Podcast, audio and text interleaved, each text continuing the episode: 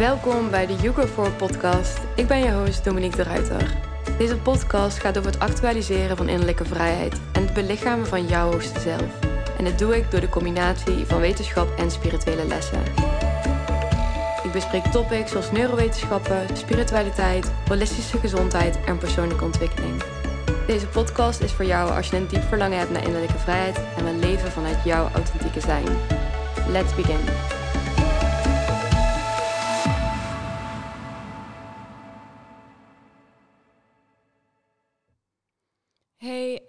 Welkom bij weer een nieuwe aflevering van de Yugo 4 podcast. Ik ben weer heel blij dat je luistert en ik heb weer een heel interessant topic voor je. Een topic waar ik niet zo heel erg veel over teruglees in Nederland in ieder geval. Uh, ik lees ook wel veel um, Engelse of Amerikaanse uh, ja, literatuur, kan je zeggen. Maar ook natuurlijk blogs. En ik luister heel veel Amerikaanse of Engelse podcasts. En daarin lijkt ze dit uh, onderwerp wel wat vaker aan te snijden. Um, en het is natuurlijk ook wel in Nederland is het topic wat we gaan bespreken. Dus we gaan het sowieso hebben over spiritualiteit.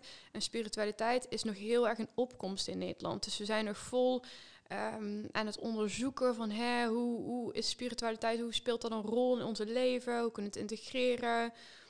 Um, is spiritualiteit dan wel iets wat we moeten integreren? Dus we zien daarin in Nederland nog dat het echt wel een beetje upcoming is. Wat dus helemaal ook niet erg is. Maar waardoor we soms dan het stukje verdieping waar ik het vandaag over ga hebben, dat we dat misschien nog niet echt heel vaak bespreken. Of dat we daar op dat moment nog niet helemaal aan toe zijn. Maar ik vind het wel echt een enorm belangrijk topic om te bespreken, omdat het gewoon een heel reëel topic is. Wat we eigenlijk niet mogen negeren, want uh, wanneer we kijken, ik ga het namelijk hebben over toxische spiritualiteit. Goh, dat had je natuurlijk al in de titel gezien. Um, maar uh, omdat toxische spiritualiteit wel zeker uh, voorkomt, en zeker niet alleen in Amerika of in Engeland, maar ook gewoon in Nederland. En dat er, dat er gewoon stappen zijn waardoor wij ons daar gewoon heel goed voor kunnen beschermen. En daarom vind ik het ook heel erg belangrijk om hier een podcast aan te wijden, zodat uh, wanneer je deze podcast luistert, je ook nog eens extra goed gaat nadenken van hé, hey, um, uh, waar ga ik misschien nog over mijn grenzen? Uh, wat voelt goed, wat voelt niet goed? En dat ik je dus ook meer wil stimuleren in zelfregie, in verantwoordelijkheid nemen voor wat je voelt en wat je ervaart. En je niet zomaar laten leiden door iets of iemand die vindt dat jij iets moet doen. Want ik geloof dat we daardoor um, heel snel over onze grenzen heen gaan en dat we daarna veel spijt kunnen hebben daarvan nou ja, buiten dat, hè, soms gaan we nou eenmaal over onze grenzen. Soms komen situaties waarvan we achteraf dachten van shit, waarom is dit zo gebeurd? No judgment uh, whatsoever on that. Het is super normaal dat we bepaalde ervaringen opdoen uh, waar we spijt van hebben. Of waarvan we achteraf dachten van had ik maar dit, had ik maar dat. Ja, dat is altijd heel erg makkelijk. Um, en in deze podcast wil ik je dus juist de tools geven om in het vervolg echt dicht bij jezelf te blijven. Zodat je weet van, hé, hey, oké, dit is een grens, dit ga ik niet meer doen. Dit zijn signalen, dit, uh, uh, dit, dit kan ik wellicht doen. Nou, alarm. Um, wanneer we kijken naar spiritualiteit, is spiritualiteit een enorm breed begrip. Maar voor veel mensen geeft spiritualiteit betekenis aan hun leven. Ja, op een manier waarop het tastbare dat niet zo goed doet. Dus spiritualiteit laat ons vaker dingen voelen en ervaren die we normaliter bijvoorbeeld niet voelen, niet zien, niet ervaren. En dat is een enorme verdieping van onszelf, van ons lichaam, van ons leven, van onze expressie hier in deze wereld. Um, en we zien daarin dus ook dat spiritualiteit steeds populairder wordt. En weet je, ik, ik juich dat alleen maar aan, want ik vind dat spiritualiteit, ja, we zijn sowieso, we zijn allemaal spirituele wezens. Uh, ongeacht hoe je het ook noemt, want we hoeven het niet altijd uh, te noemen zoals spiritualiteit. Door door de, een bepaalde populariteit van spiritualiteit kan het woord spiritualiteit ook alweer gestigmatiseerd worden. Dat is altijd lastig bij iets wat populair wordt. Maar goed, daar ontkom je toch niet aan. Maar uh, spiritualiteit wordt dus steeds populairder en daardoor krijgen we een soort van, ja, wordt spiritualiteit dus een soort van trend. En nogmaals, ook dat vind ik helemaal prima. It's all good. Maar wanneer we kijken naar bijvoorbeeld een trend, dan zien we ook dat daar hele, ja, toch wel wat meer populistische, ongenuanceerde boodschappen naar boven komen. Uh, dat er een beetje zo'n populisme rondom ontstaat, waardoor mensen, instanties, uh, communities, daar ergens ook alweer misbruik van kunnen maken. En dat maakt het soms ook gewoon heel erg lastig, want aan ieder aspect van het leven zit een lichte kant, zit een donkere kant en alles ertussenin. Um, je haalt het er nooit uit. Niks is alleen maar licht, niks is alleen maar donker. Maar ik wil dus in deze podcast wel iets dieper ingaan op het, ja, zoals wij dat dan noemen, donkere stukje van spiritualiteit. Ja, ik vind dat altijd lastig, want hè, nogmaals, het is heel moeilijk om te differentiëren van ja, wat is nou echt licht en wat is nou echt donker. Maar hè, ik ga het nu in ieder geval hebben over een stukje van de schaduwkanten van spiritualiteit. Dus in deze podcast ga ik het sowieso hebben over een aantal termen. Ik ga een aantal termen met je doornemen, bespreken van hè, wat houdt het dan precies ook wel in. Uh, daarna ga ik het hebben over wat, uh, waaraan je die toxische spiritualiteit kan herkennen. Uh, waar het dan bestaat. Ik ga wat voorbeelden ook geven. En tot slot ga ik uh, een aantal stappen met je doornemen die je helpen om je te beschermen tegen toxische spiritualiteit. Dus uh, blijf ook zeker luisteren tot het einde, want daarin krijg je juist de tools en de handvaten om je te ondersteunen wanneer je dus in een triggerende situatie komt of wanneer je um, in een situatie komt waarin je te maken krijgt met toxische spiritualiteit.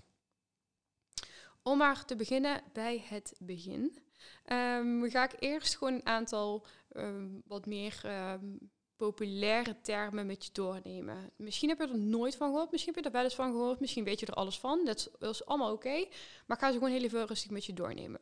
Dus wanneer we kijken naar toxische spiritualiteit, dan is er geen eenduidige betekenis over te vinden. Dus ik kon geen definitie in de, in, in de vandalen uh, checken over toxische spiritualiteit. Dus ik kan alleen maar mijn eigen betekenis erop loslaten. Weet dus ook, dit is mijn betekenis. Het kan voor jou ook zijn dat het net iets anders is. Maar toxische spiritualiteit is naar mijn uh, inziens toxisch gedrag. Uh, toxische patronen, toxische reacties, adviezen, opdrachten, ideeën en perspectieven die worden gerechtvaardigd. Dus het is toxisch. Het wordt allemaal gerechtvaardigd onder de noemer spiritualiteit. De spiritualiteit wordt daarin eigenlijk gebruikt of misbruikt om toxisch gedrag te rechtvaardigen. En dan komen we op het volgende, wat, wat, wat is dan eigenlijk toxisch? Ja, dat is ook weer lastig te beschrijven, omdat ook dit woord weer heel breed definieerbaar is. Maar in deze is toxisch hetgene dat je forceert om over je eigen grenzen heen te gaan. Dat kan zijn in de zin van iets doen wat je niet wil doen. Dat kan zijn iets ontvangen wat niet goed voelt. Het kan ook zijn een ervaring aangaan die voor jou gevaarlijk of echt ongewenst voelt. Dus dat wil ik zeggen met, of dat wil ik uh, zeggen met toxische spiritualiteit. Dus wanneer je me in de komende podcast hoort vertellen over toxische spiritualiteit, dan is dit wat ik hiermee bedoel. Dan komen we bij een andere term en dat is het spirituele ego. Ook over het spirituele ego is geen eenduidige betekenis te vinden. In de volksmond zien we ego, dat dat vaak gekoppeld wordt aan egocentrisch zijn en zelfingenomenheid. Uh, dus het heeft heel erg te maken hè, met egoïstisch gedrag, niet rekening houden met anderen. Dat zien we dus in de volksmond. Vanuit de spiritualiteit, uh, vanuit spiritualiteit zien we vaak juist het ego meer als jouw eigen identificatie met jezelf. Dus jouw gedachten, jouw gedragingen, jouw patronen, jouw conditioneringen, jouw ideeën, perspectieven, visies, whatever. Um, dat wat jou onderscheidt van de rest, dat is jouw ego. Ego zegt eigenlijk, jij bent dit en de ander is dat. Dat is ego. En ego is niet per definitie slecht. Wanneer we echt een heel, wanneer we een, overrepresentatie hebben van ego, kan dat dus wel uh, tot leiden dat er um, uh, isolatie gaat pla plaatsvinden of dat er uh, verlies van verbinding is tussen jou en andere mensen. Dat je jezelf boven iemand gaat zetten of onder iemand gaat zetten. Dus een overrepresentatie van ego zorgt vaak voor lijden. Wanneer we dus kijken naar spiritueel ego, is er dus niet per se een eenduidige betekenis, maar ik kwam wel een quote tegen die ik heel interessant vond. En uh, die eigenlijk het principe van spiritueel ego wel heel erg goed omschrijft. Dus daar komt die. Er zijn talloze zijwegen die leiden tot een verwrongen, egocentrische versie van spiritualiteit. We kunnen onszelf voor de gek houden door te denken dat we ons spiritueel ontwikkelen, terwijl we in plaats daarvan onze egocentriciteit versterken door spirituele technieken. Deze fundamentele vervorming kan spiritueel materialisme worden genoemd.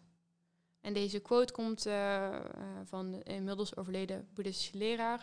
Ik ga zijn naam proberen uit te spreken, maar I, don't think I will do a good job at it. Zijn naam was Chogyam Trungpa Rinpoche. Dat is in ieder geval zoals ik het uh, interpreteer. Maar wanneer we dus kijken naar die quote, dan klopt het wel heel erg. Dus in plaats van dat mensen spirituele technieken doen en uitvoeren om dus hè, het, uh, de relatie met een spirituele lichaam te versterken, gaan ze de spirituele technieken gebruiken als voeding voor hun egocentriciteit. Dus als voeding om zich te verhevenen boven de rest. Om, eh, als, om, om, om een spiritualiteit eigenlijk te zien als een soort van medaille of een kroon die ze kunnen dragen. En dat bedoelen we dus met spiritueel ego. En tot slot komen we dan nog uit bij spirituele bypassing. En hierover is dus wel een definitie uh, te vinden. En spirituele bypassing wordt dus gedefinieerd als het gebruiken van iemands spiritualiteit om op, onopgeloste problemen op persoonlijk, interpersoonlijk of systemisch niveau te vermijden.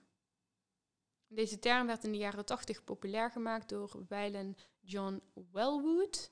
Hij was ook een boeddhistische leraar en psychotherapeut. Hij kwam dit fenomeen dus heel erg tegen in zijn eigen spirituele gemeenschap. Uh, maar wanneer we dus ook weer teruggaan naar deze definitie, is ook wel heel interessant. Dus we gebruiken uh, spiritualiteit om dus onze eigen shit niet aan te kijken. Dat is spirituele bypassing. Wat daar heel mooi bij komt kijken is bijvoorbeeld ook uh, toxic positivity. Dus dat zien we dus ook heel veel voorkomen. Hè? High, vibes, high vibes only. Dus uh, blijf, uh, blijf vooral voor altijd zitten in hoge vibraties, in, in plezier, in joy, in, love en light en weet ik veel allemaal niet. terwijl dat het gewoon niet is. Het is eigenlijk gewoon heel erg liegen tegen jezelf. We zijn niet alleen maar verlicht. We zijn niet alleen maar leuk en mooi en plezierig en rooskleurig. Nee, we zijn ook een stukje schaduw, we zijn ook een stukje duisternis, we zijn ook een stukje slecht, we zijn ook een stukje onzuiver en that's all okay. En wanneer we die stukken in onszelf willen aankijken en willen observeren en daar iets mee willen doen, dan doen we het heel erg goed. Dan zijn we heel mooi spiritueel bezig. Maar wanneer we echt alleen maar zitten van, oh ja, maakt niet uit, ik heb hiervoor gekozen, dus daarvoor is het prima. En um, die hele manifestatiewereld die soms wat overpopulistisch overkomt. Als in, uh, je moet alleen maar in de hoge vibratie zitten, alleen maar in de hoge frequentie zitten. Uh, dat is eigenlijk best wel heel erg toxisch. Wanneer we kijken naar toxische spiritualiteit, kan het overal voorkomen. Het kan voorkomen in je inner circle, zoals bijvoorbeeld je vrienden, je familie, je partner, uh, whatever. Maar het kan ook bijvoorbeeld voorkomen in een andere omgeving. Het kan voorkomen in een ceremonie, bij begeleiding. Het kan voorkomen in spiritueel centra, bij therapeuten, bij coaches, bij begeleiders, bij gurus, bij leiders, bij whatever. Dus het kan bij influencers ook. Uh, dat uh, zag ik trouwens heel veel in de poll. Ik had op Instagram een, uh, een poll opgesteld waarop je dus kon kiezen voor waar bij je toxische spiritualiteit tegenkomen. En veel mensen kozen daarvoor bij influencers. Dus ze zagen toxische spiritualiteit heel, heel erg voorkomen bij influencers. Nou vind ik dat ook niet heel raar, want influencers verdienen hun geld met producten verkopen vanuit andere bedrijven. Um, dus heel vaak zijn influencers ook genoodzaakt of ja, ergens genoodzaakt om iets een beetje in een mooi pakketje te stoppen, zodat het makkelijker verkocht wordt. Maar goed, wanneer we dus met een eerlijke en een brede blik kijken naar spiritualiteit, dan kunnen we niet anders zeggen dan dat we allemaal af en toe wel een beetje spiritueel toxisch zijn of zijn geweest. En dat principe is helemaal niet erg. De wereld waarin we leven is nog altijd, um, bestaat altijd uit polariteit, uit hè, licht en duisternis, uit goed en slecht, uit puur en onzuiver. En dat gaat allemaal door elkaar heen.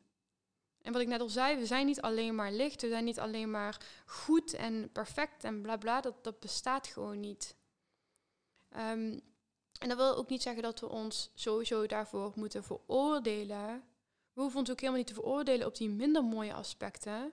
Als een leeuw een antilope opeet, of uh, gaat, gaat, doden en gaat opeten, of je ziet een orka jagen op een zeehondje en, en je, ziet, je ziet die orka met het zeehondje spelen, terwijl die, dat zeehondje al half, ja, ik zal het niet nog heftiger maken dan het is, maar dan, dan, dan, is dat, is dat helemaal, in ieder geval voor de meeste van ons, geen mooi beeld om naar te kijken. Maar het is nou eenmaal wel deel van wie we zijn. Het is deel van deze wereld. En we leren juist door die minder mooie aspecten. We kunnen juist in het licht staan door ook in het duistere, duistere te staan. We kunnen zuiver werken door ook eerst te maken te hebben met onzuiver werk. En net zoals de natuur hè, in de lente weer helemaal in de groei en in de bloei en in de kleur staat, na bijvoorbeeld een hele lange, koude, donkere winter, is dat precies hetzelfde bij ons als mens. We bewegen als mens continu op een bepaald ritme en dus ook op het ritme van licht naar donker. Dus het is heel erg oké dat wij af en toe een beetje toxisch zijn.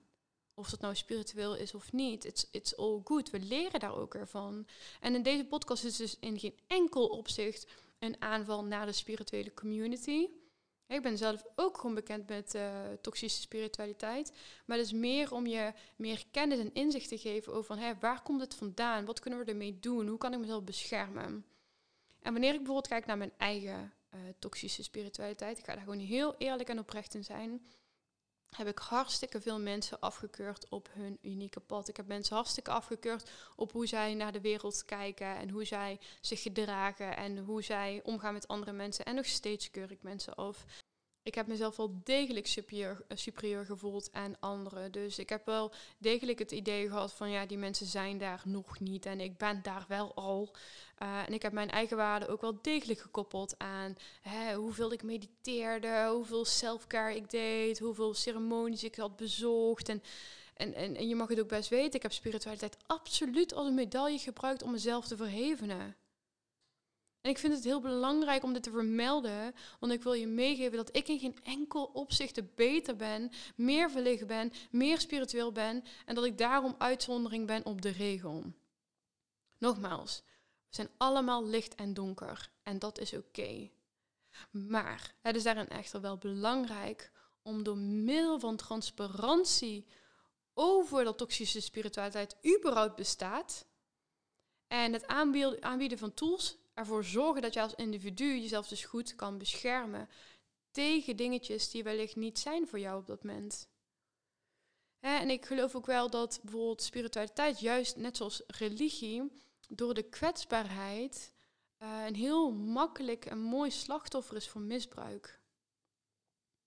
En dat wil zeggen dat mensen uh, zich onbewust of bewust.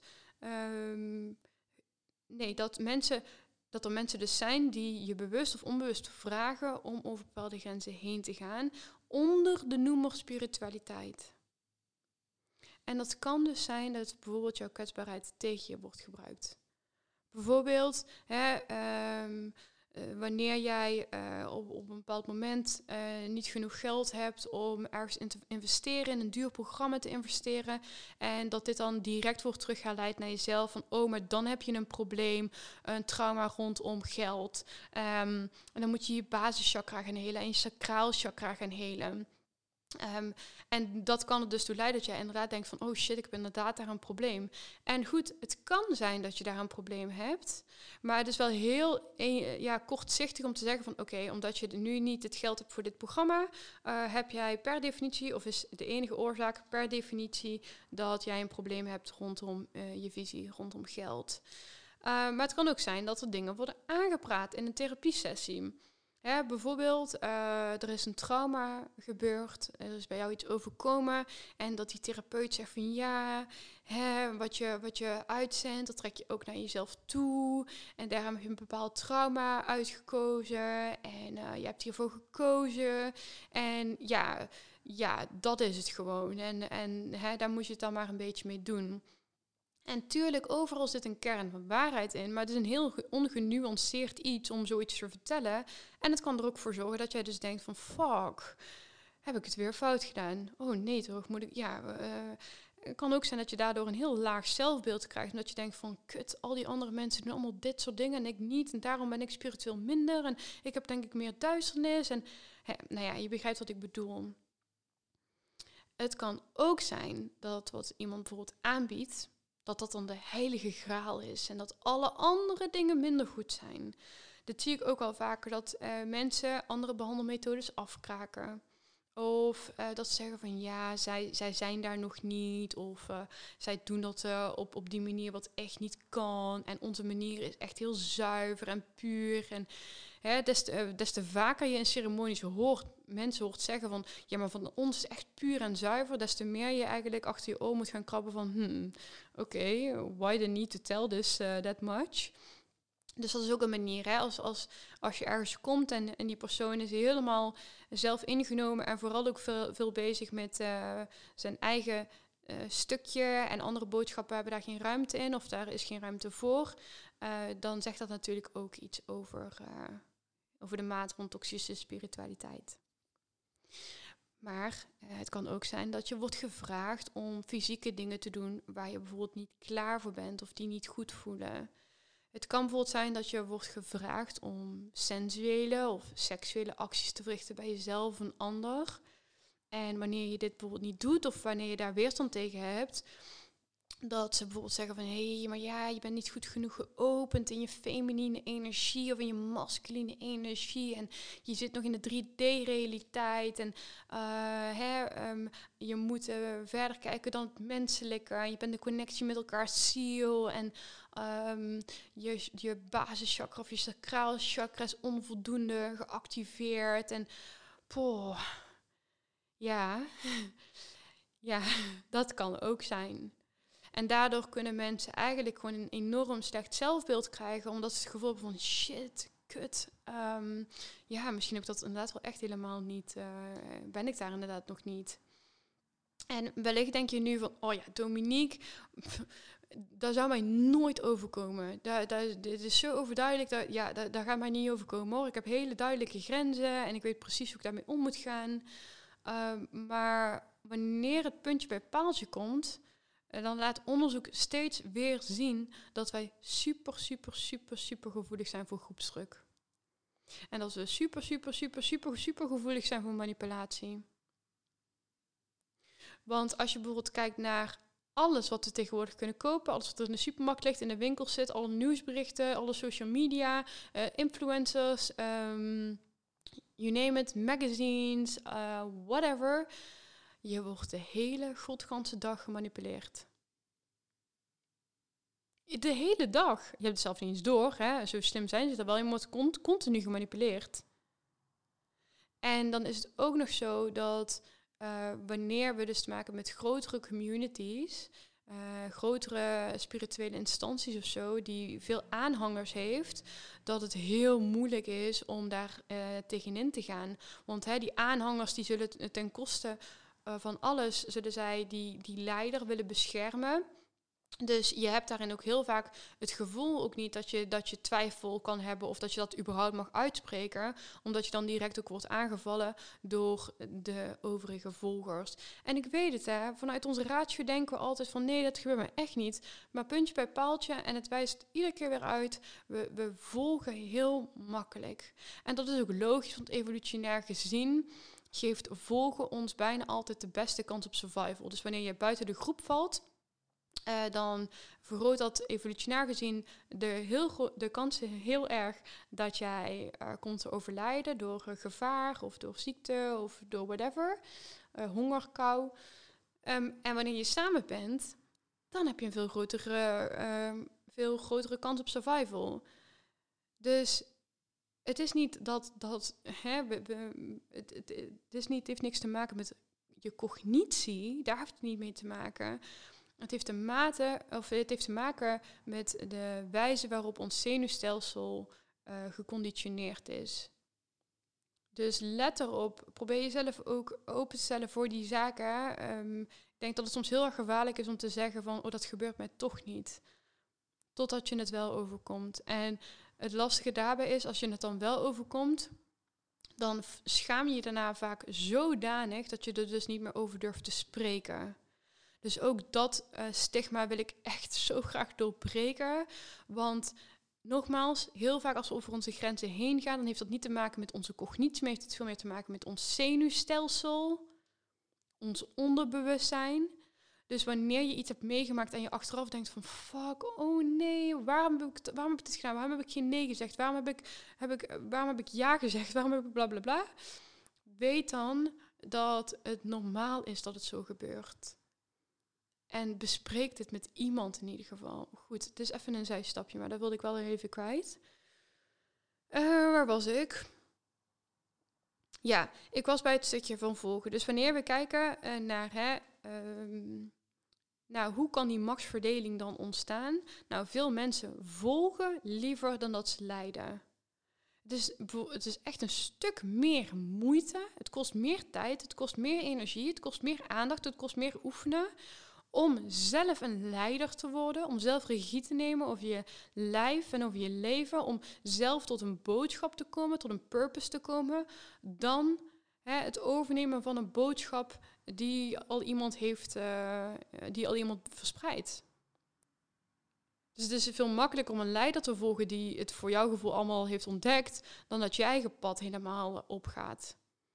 En ik geloof ook oprecht dat in veel gevallen de therapeuten, coaches, influencers, spiritueel leiders, bla bla bla, eh, dat zij in principe een hele goede intentie hebben.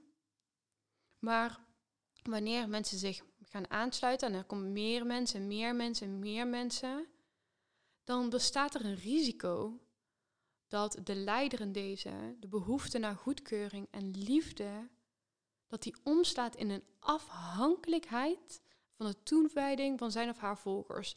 In andere woorden wil dat dus zeggen dat eh, de leider hè, op dat moment minder bezig gaat zijn met hè, wat is nou precies mijn message en eh, wat, wat voel ik echt en wat wil ik echt. Hè, en hoe kan ik mijn energie zuiver houden?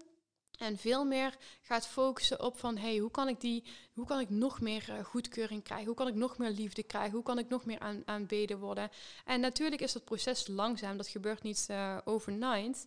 Maar we zijn als mensen nou eenmaal ook gevoelig voor macht.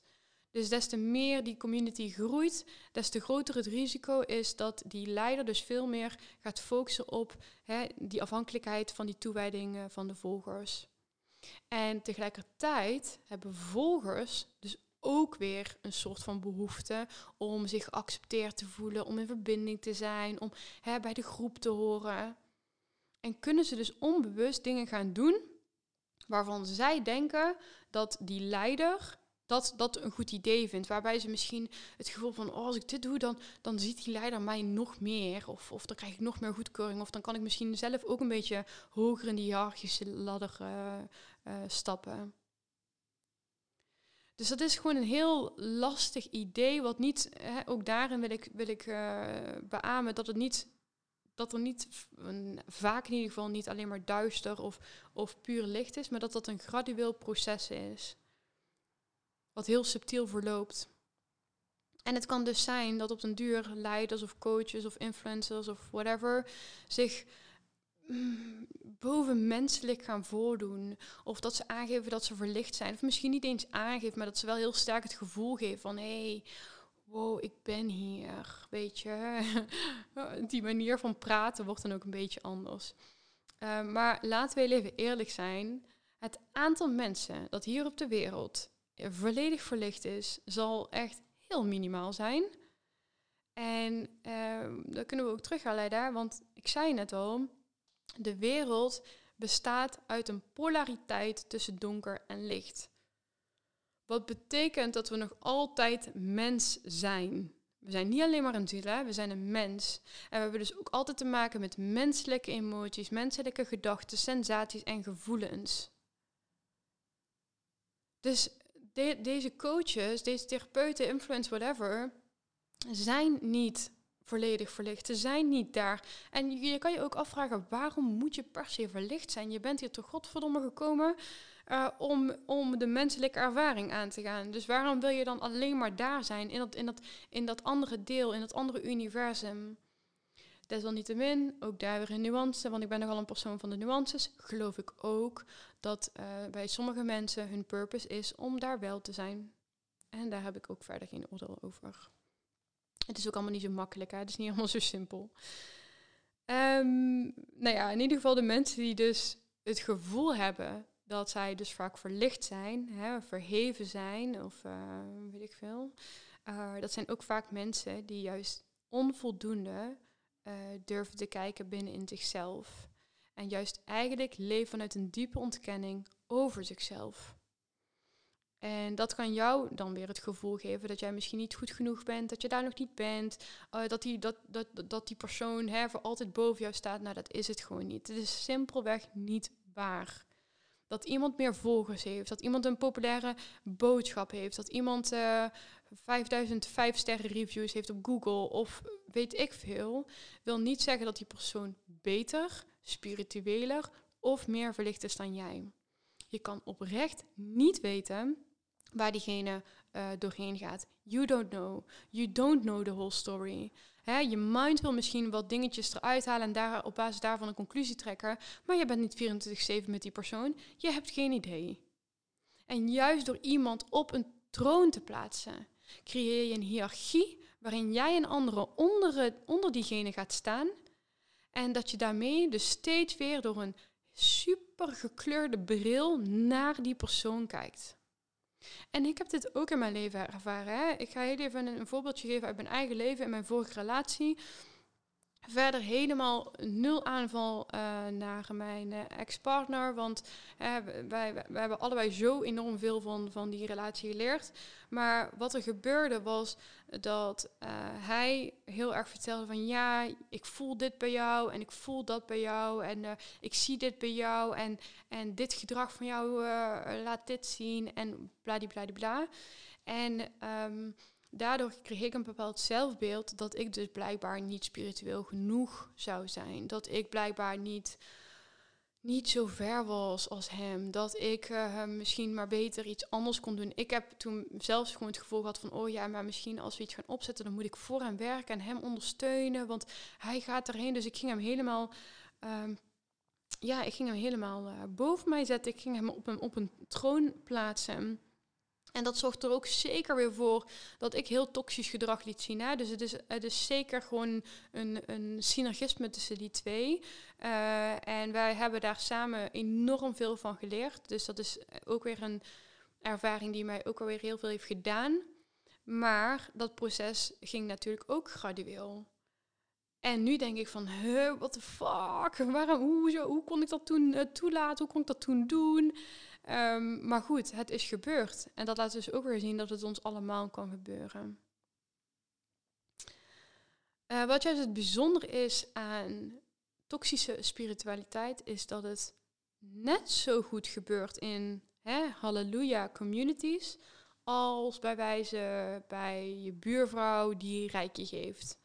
Het gebeurt wellicht zelfs eerder bij die grote instanties, bij die grotere communities of mensen met een grote following, omdat daarin eerder sprake is van een soort van, machtsspel. mensen hebben dan uh, sneller het gevoel uh, dat het normaal is, uh, dat het veilig is, dat het anderen ook heeft geholpen. weet ik veel, dat, die, dat diegene het beste met je voor heeft. En daarin zullen we dus ook nog sneller over onze eigen grenzen heen gaan. Dus we raken een beetje bijna overweldigd of gehypnotiseerd door uh, de, de, de grootte van de community, het aantal followers, uh, de, de reviews. En dat we daarin dus ons eigen grens, ons eigen gevoel langzaam maar zeker een stukje weg gaan duwen. Daarom wil ik een aantal tekenen of signs, of hoe je het ook wil noemen, willen uh, delen met je wat dus uh, voortkomt uit die toxische spiritualiteit. Dus waar je dus toxische spiritualiteit aan kan herkennen. Dus de eerste is het teken van superioriteit. Dus duidelijk laten blijken dat ze al wat verder zijn in het proces dan anderen. Of geloven dat ze niet meer echt hoeven te oefenen. Of bepaalde dingen niet meer hoeven te doen omdat ze verder zijn. En natuurlijk gaat iemand dat niet zo zeggen. Maar je merkt het al heel erg aan lichaamstaal. Je merkt aan de manier waarop iemand spreekt, waarop iemand reageert op anderen. Je merkt het aan uh, een bepaalde energie, je merkt het aan een bepaalde afstand. Hè, die tekenen van superioriteit, dat is een heel belangrijke uh, symptoom van toxische spiritualiteit. En dat kan dus ook vaak gaan, uh, gepaard gaan met het tweede deel, shaming. Dus jou het gevoel geven dat de dingen die je zijn overkomen jouw schuld zijn. En dat kan dus ook er heel mooi worden verpakt in een mooi pakketje. Ehm, maar jou dus het gevoel geven van, hé, hey, jij bent degene die dit heeft veroorzaakt. Uh, of een veroordelend gevoel aan jou geven. Um, weer even kijken van, hé, hey, je hebt het aangetrokken, bla bla. Nou, derde is afspraken en regels worden langzaam overschreden. Het kan bijvoorbeeld in het begin zijn dat je meer aandacht krijgt, dat je een voorkeursbehandeling krijgt, dat je complimenten krijgt. Maar later kan het dus ook uitgroeien tot grotere overschrijdingen. En vaak, omdat het zo subtiel gebeurt, durf je niks te zeggen. Of heb je het gevoel van, ja, het zal wel. Ik denk, denk dat het wel goed is. Uh, diegene zal best het beste met mij voor hebben. En dan, daardoor gaat het proces, uh, proces dus heel lang door. De volgende is rechtvaardigen van toxisch gedrag. Dus wanneer iemand heel toxisch gedrag vertoont, het dan aangeven als een uh, ik doe het voor het grotere goed. Uh, ik voel dat ik dit moet doen. Ik voel dit bij jou. Ik krijg door dat ik dit moet doen, zonder bij jou in te tunen. Dus echt het rechtvaardigen van toxisch gedrag vanuit spiritualiteit. Dan ook geen ruimte uh, geven voor vragen, opmerkingen of kritiek. Dus als je ergens bent en je merkt meteen dat al je vragen of kritische opmerkingen aan de kant worden geschoven, of een beetje worden uitgelachen of belachelijk worden gemaakt, vooral in groepsverband, dan weet je eigenlijk al van, hmm, nee, nee, nee, nee, nee, hier zit ik geloof ik niet helemaal goed. Dus uh, heb daar ook heb ook, uh, geef daar ook wat uh, ruimte voor. Observeer het ook echt. Want dit gebeurt best wel vaak. Hè, we zijn dan zo bijna gehypnotiseerd dus door wat diegene zegt. Dat we daarna denken van, oh, maar ik heb eigenlijk helemaal geen vragen gesteld en geen opmerkingen, geen kritiek. Maar hè, test maar eens een keer uit. Ben maar eens een keer kritisch. Stel eens een keer een vraag. En bekijk ook hoe diegene daar dan op reageert. Manipulatie.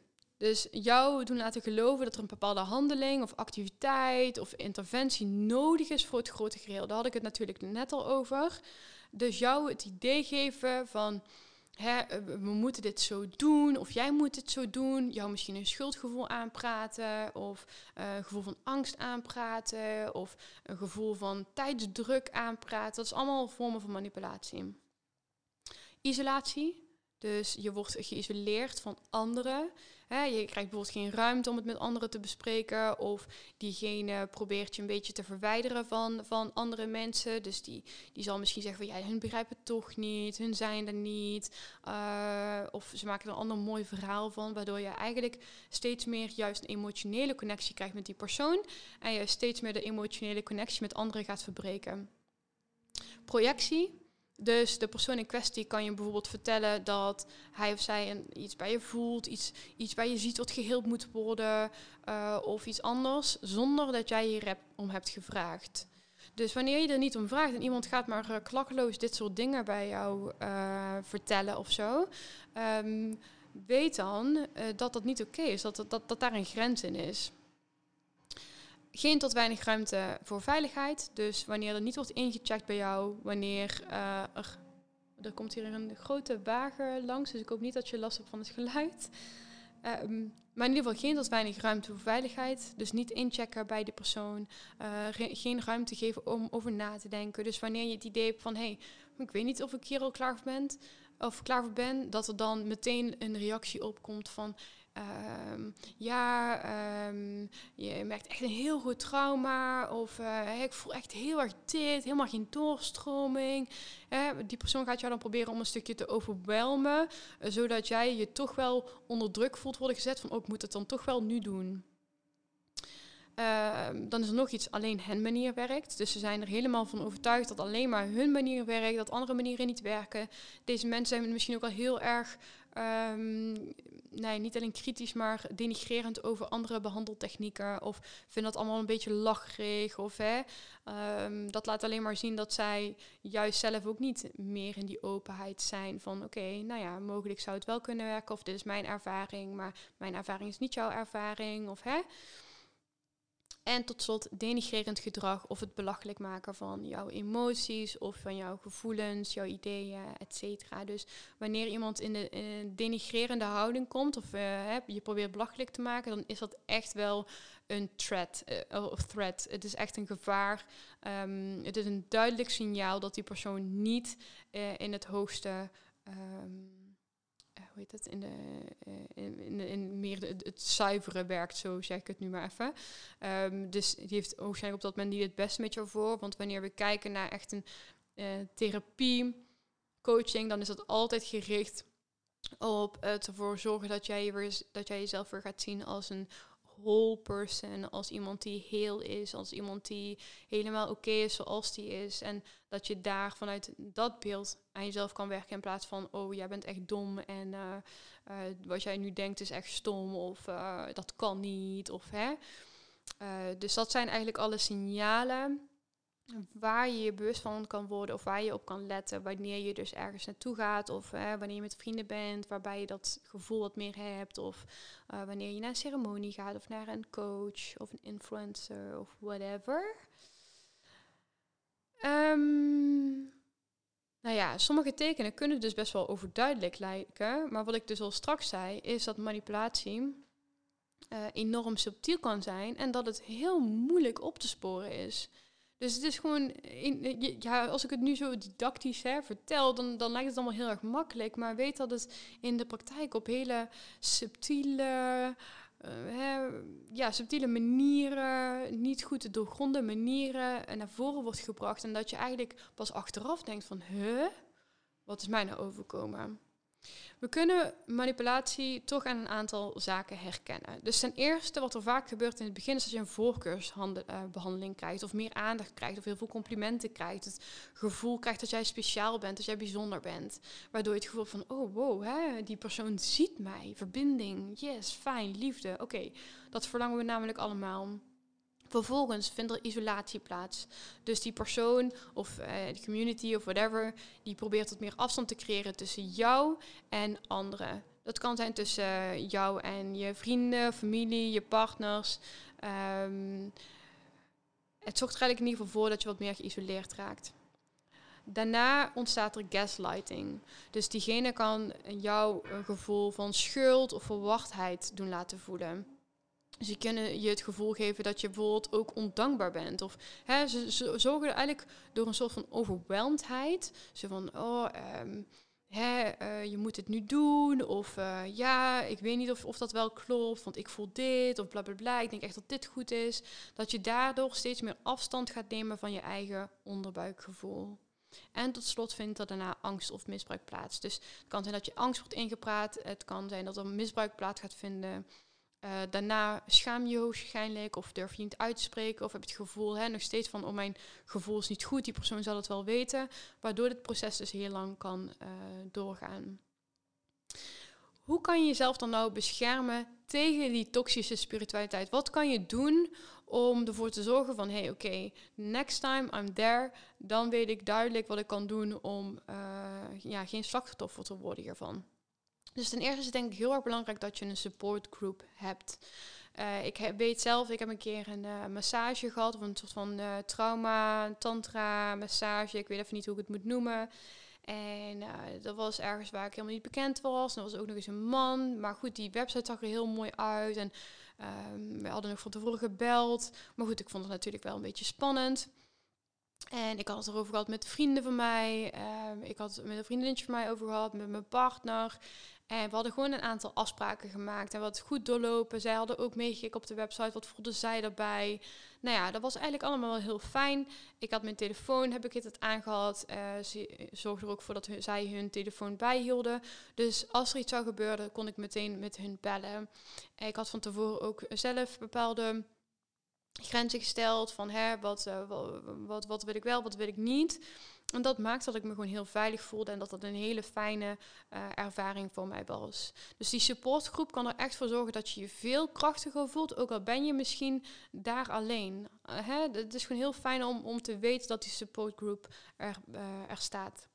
Twee, ben je dus bewust van die signs die ik eerder vertelde over toxische spiritualiteit. Dus ben je bewust welk gedrag iemand kan laten zien waarvan je kan denken van, oh, maar dat is eigenlijk wel een beetje een red flag. Drie, een goede connectie met je gevoel. Dus je onderbuikgevoel, je intuïtie, de gewaarwordingen en sensaties in je lijf zijn zo enorm belangrijk. Tuurlijk kan het soms zijn dat je over bepaalde grenzen heen moet. Hè, uh, dat kan alleen al bijvoorbeeld zijn bij breathwork, dat je gewoon door de pijn heen moet ademen. Um, en dat is, dat is ook verder helemaal oké. Maar wanneer je het idee hebt van nee, het voelt echt helemaal niet goed, luister daar dan naar. En als je het gevoel hebt dat je dat nog niet zo goed kan, je vindt het misschien heel lastig om op je intuïtie te vertrouwen. Of je hebt het idee van ja, als ik er eenmaal ben, dan, dan vind ik dat nog lastiger. Dan raad ik altijd aan, neem iemand mee. Vooral de eerste keer, neem iemand mee. Hè, dan kan je altijd zeggen, het, als dat niet oké is, dan weet je ook voldoende, maar neem iemand mee. Nummer vier, zeg nee en denk er eerst over na wanneer je twijfelt. Dus wanneer iets niet goed voelt, je hebt het idee van ja, ik weet het niet of ik ben er nu nog niet klaar voor, zeg nee. Nee, nu niet. En nee is ook een nee. Oefen daar ook mee met uh, je partner, vrienden of familie. Bij mensen waar je je vertrouwen bij voelt. Oefen met nee zeggen. We zijn in deze samenleving zo verleerd om nee te zeggen.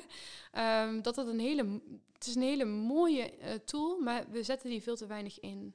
Omdat we dus ergens inderdaad de gedachte hebben van, oh, maar die persoon zal het wel weten. En ik wil niet als zoiets overkomen. Nummer 5, neem iemand mee, dat had ik net al over. Nummer 6, check regelmatig in bij jezelf. Dus ben je in een workshop, ben je ergens een hele dag of een heel weekend of misschien een hele week of whatever. Check regelmatig in bij jezelf. Hoe gaat het met jou? Wat voel je in je lijf? Wat geeft je lijf aan? Voelt het nog goed? Heb je vragen die je wil stellen? Wanneer je ergens bent en je bent misschien één op één, vraag je even of je naar het toilet mag gaan. En neem dan ook even de tijd om gewoon even op het toilet in te tunen op jezelf en voel gewoon, hey, voelt het nog wel allemaal oké bij mij. Uh, zeven, oefen met grenzen aangeven. Ook weer dat stukje nee zeggen. Oefen dit met mensen waar je je veilig bij voelt. Wat zijn je grenzen? Denk er eens over na. Wat vind je wel fijn? Wat vind je niet fijn? Waar zit de weerstand? Uh, waar wil je het wel over hebben? Waar wil je het niet over hebben? Niet uh, per se dat het dan heel lineair is. En als je dan bij een begeleider of therapeut komt, dat je daar dan per se altijd aan moet houden. Want hè, soms in een therapiesessie kan het ook heel mooi zijn om juist te zeggen van... hé, hey, hier had ik eerst weerstand tegen, maar nu voelt het wel heel goed. Maar het is wel heel belangrijk dat je je grenzen stelt. En acht, werk met therapeuten of coaches of begeleiders of whatever... die stimuleren je eigen groei en ontwikkeling. En die dus andere vormen van spiritualiteit juist uitnodigt. Dus ik vind het ook altijd heel erg belangrijk in mijn praktijk, als ik mensen behandel en ook in, uh, bij Ucro, bij de dames die ik mag uh, begeleiden. Als zij het gevoel hebben van hé, hey, ik moet even ergens heen of ik moet, moet deze sessie doen. Ken je dat al? Ben je daar bekend mee? Soms zal ik zeggen nee, soms zal ik zeggen ja, ben ik wel bekend mee. Dit was mijn ervaring. Uh, maar ik sta zelf altijd super open voor alles. We kunnen niet zeggen dat iets altijd werkt en, en het andere nooit werkt. Dus wanneer je dus bij een begeleider bent of een coach bent die altijd heel erg hè, mijn wil is wet een beetje is, dan kan je ook uh, afvragen van hey, is het dan wel echt uh, ja, spiritualiteit in de gezonde vorm of is het eerder uh, spiritualiteit in een meer toxische vorm? Dus, ha, nou, That all being said, dus we, wat we nu hebben gedaan, we hebben nu uh, het definitie rondom toxische spiritualiteit besproken. Ik heb je meegenomen in uh, de signalen van toxische spiritualiteit. We hebben een aantal stappen doorgenomen die je kan inzetten om je te beschermen tegen toxische spiritualiteit. Luister deze podcast gerust opnieuw. Hè. Soms uh, heb je even een opfrisser nodig. Als je het gevoel hebt van hé, hey, ik wil deze podcast met iemand delen, deel hem zeker. Uh, ik denk dat het namelijk een hele mooie podcast is om je er even aan te reminden dat er niemand is die boven jou staat en dat er ook niemand is die onder jou staat. Eh, en dat we ons daar ook vaker bewust van moeten zijn, omdat we zo snel vervallen in die andere twee. Hè? Boven iemand staan of onder iemand staan. Ik uh, wil je heel graag uh, bedanken voor het luisteren naar deze podcast. Wil je meer up-to-date blijven over podcast, over de volle maan, nieuwmaan, over uh, hè, allerlei content? Volg mij dat op Instagram via ugrow4, Griekse I-U-G-R-O 4. Of meld je aan voor de nieuwsbrief. Ik zal de link ook eh, onder in de show notes plaatsen. Um, je mag me ook altijd volgen op LinkedIn. Dat is gewoon via Dominique de Ruiter. En ja, nogmaals bedankt voor het luisteren en ik zie je heel graag terug in de volgende aflevering.